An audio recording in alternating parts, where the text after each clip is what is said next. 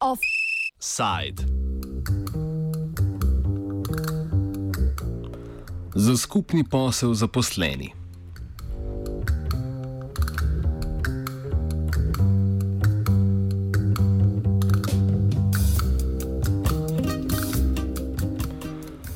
Ko je pred osmimi leti pivovarna Laško odprodajala svoje premoženje, v katero je spadala tudi družba Fruktal, so delavci Fruktala hoteli družbo odkupiti.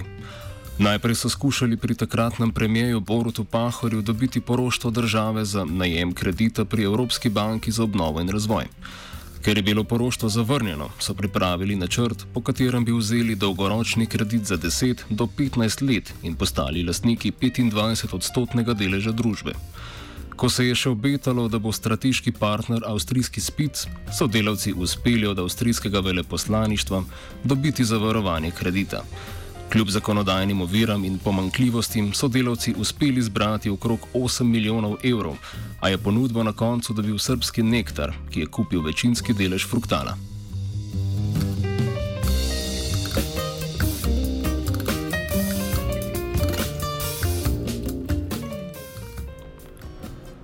Na vkljub pomankljivostim v slovenski zakonodaji, zaradi katerih delovsko lasništvo ni zlahka omogočeno, so v Sloveniji nekatera podjetja vendarle v večinski lasti zaposlenih. Med njimi so podjetja Domel, Eltom, Gorenski glas in Dewesoft. Poleg zadružniških združenj, kot je v Evropi Baskovski Mondragon, v anglosaškem svetu poznajo tako imenovani model Employee Stock Ownership Plan ali krajše ESOP.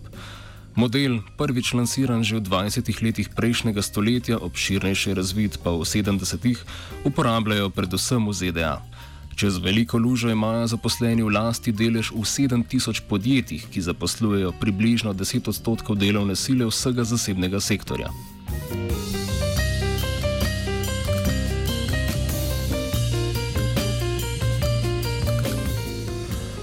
Kaj je sistem ESOP in kaj so prednosti njegovega vnosa v slovenske okoliščine in zakonodajo, je bil tudi predmet tiskovne konference Inštituta za ekonomsko demokracijo. Na inštitutu so o možnosti slovenskega ESOP-a pripravili študijo, prav tako pa bodo vložili predlog zakona, ki bi po tem modelu urejal odkup podjetij strani zaposlenih. Tej Gonza, predsednik inštituta, je razložil, kaj je sistem ESOP. ESOP je v bistvu sklad ki investira v delnice, uh, v delnice nekega matičnega podjetja v imenu zaposlenih. Uh, zdaj, denar za investicijo v delnice eh, ne dobi od delavcev, torej delavci ne rabijo dati svojih prihrankov za odkup podjetja, ampak jih dobi od samega podjetja. Torej, vsak mesec podjetje nameni določen procent prihodkov, ki potem sfinancirajo odkup ali, ali vračajo posojilo, ki se ga vzame v namen odkupa. Um, ESOP je fleksibilna schema, kar pomeni, da lahko začneš s parimi procenti in uh, vse do 100 procentov uh, delnic lahko ESOP drži. Zdaj, davčne olajšave v Ameriki se začnejo šele pri 30 procentih, torej če, če lastniki prodajo 30 procentov, potem so deležni nekih davčnih olajšav. ESOP je v Ameriki definirana kot bonitetna schema, um, kar pomeni, da morajo biti vključeni vsi zaposleni, to je nek pogoj. Torej, eh, ne, tukaj sta že dve zanimivi stvari. Zaposleni ne rabijo investirati svojega denarja, da postanejo eh, lastniki in, vsi, in schema inkluzivna, tako da eh, morajo vključevati vse zaposlene. Zadnja stvar, zadnji element, ki je ključen, je pa, da se gre tukaj za lastništvo preko sklada. Torej, zaposleni niso pravno formalno, ne da juro lastniki teh delnic, lastnik je sklad. Imajo pa zaposleni vse pravice, ki sledijo, ki, ki sledijo lastništvu, razen pravice do prodaje teh delnic.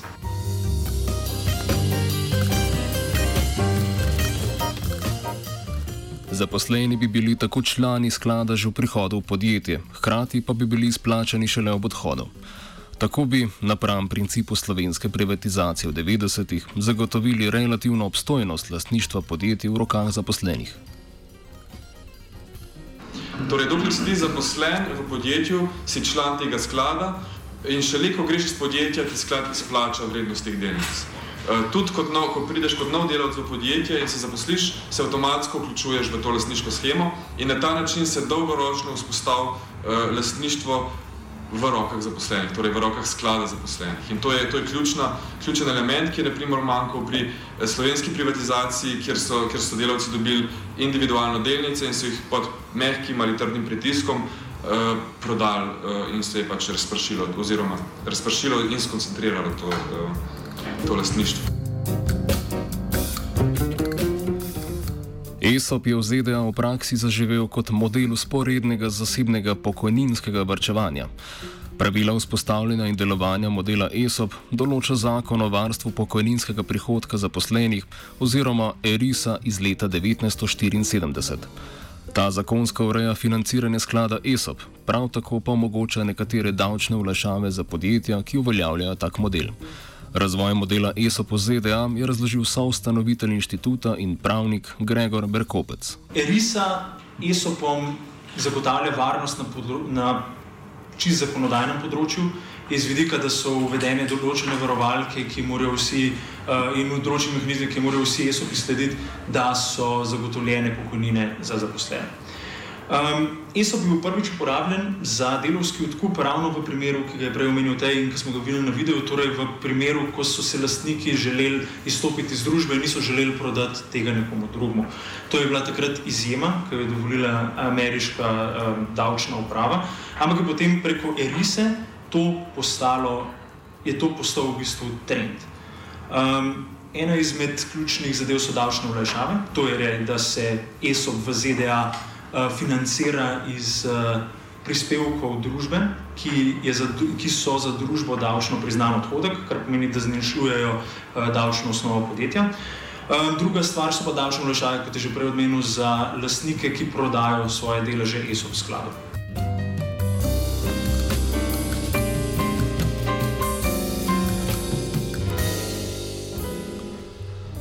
V primerih lastništva podjetja strani zaposlenih se nekatera podjetja, kot je Domel, soočajo s problemom premajhnega notranjega trga za prodajo delnic.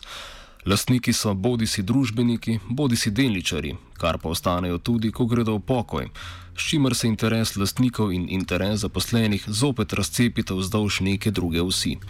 Smotrnost uvedbe sistema ESOP tudi v Sloveniji na inštitutu vidijo v dveh razlogih: v pogostosti in uspešno, uspešnosti te oblike pojasni Gonza. Prvi je, da je um, najbolj pogosta oblika delovskega lasništva na svetu. Uh, s, tem, s tem mislim, da, je, da obsega največ, uh, največji del gospodarstva, kadar, uh, kadar, kadarkoli v zgodovini. No, kak, nikoli ni bilo toliko podjetij pod lasništvom zaposlenih, kot je v okviru ESOP-a. Zdaj 7000 podjetij v Ameriki smo že, smo, smo že slišali na videu, kar pomeni 10% delovne sile v zasebnem sektorju. Torej, to niso zanemrljive številke, to niso margine, to je praktično mainstream.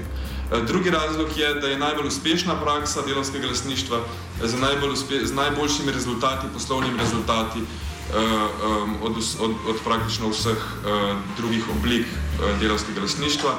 Um, povzamemo ugotovitve številnih študij, empiričnih študij v tem pamfletu in v knjigi, uh, ampak zelo na hitro gre se za, za to, da se v povprečju dvigne produktivnost v teh podjetjih, uh, zniža se fluktuacija zaposlenih, uh, preživetvena stopnja podjetij se zviša, počutje zaposlenih, medijana plača se zviša in premoženje zaposlenih se močno zviša, predvsem za nižje in srednje dohodkovne razrede.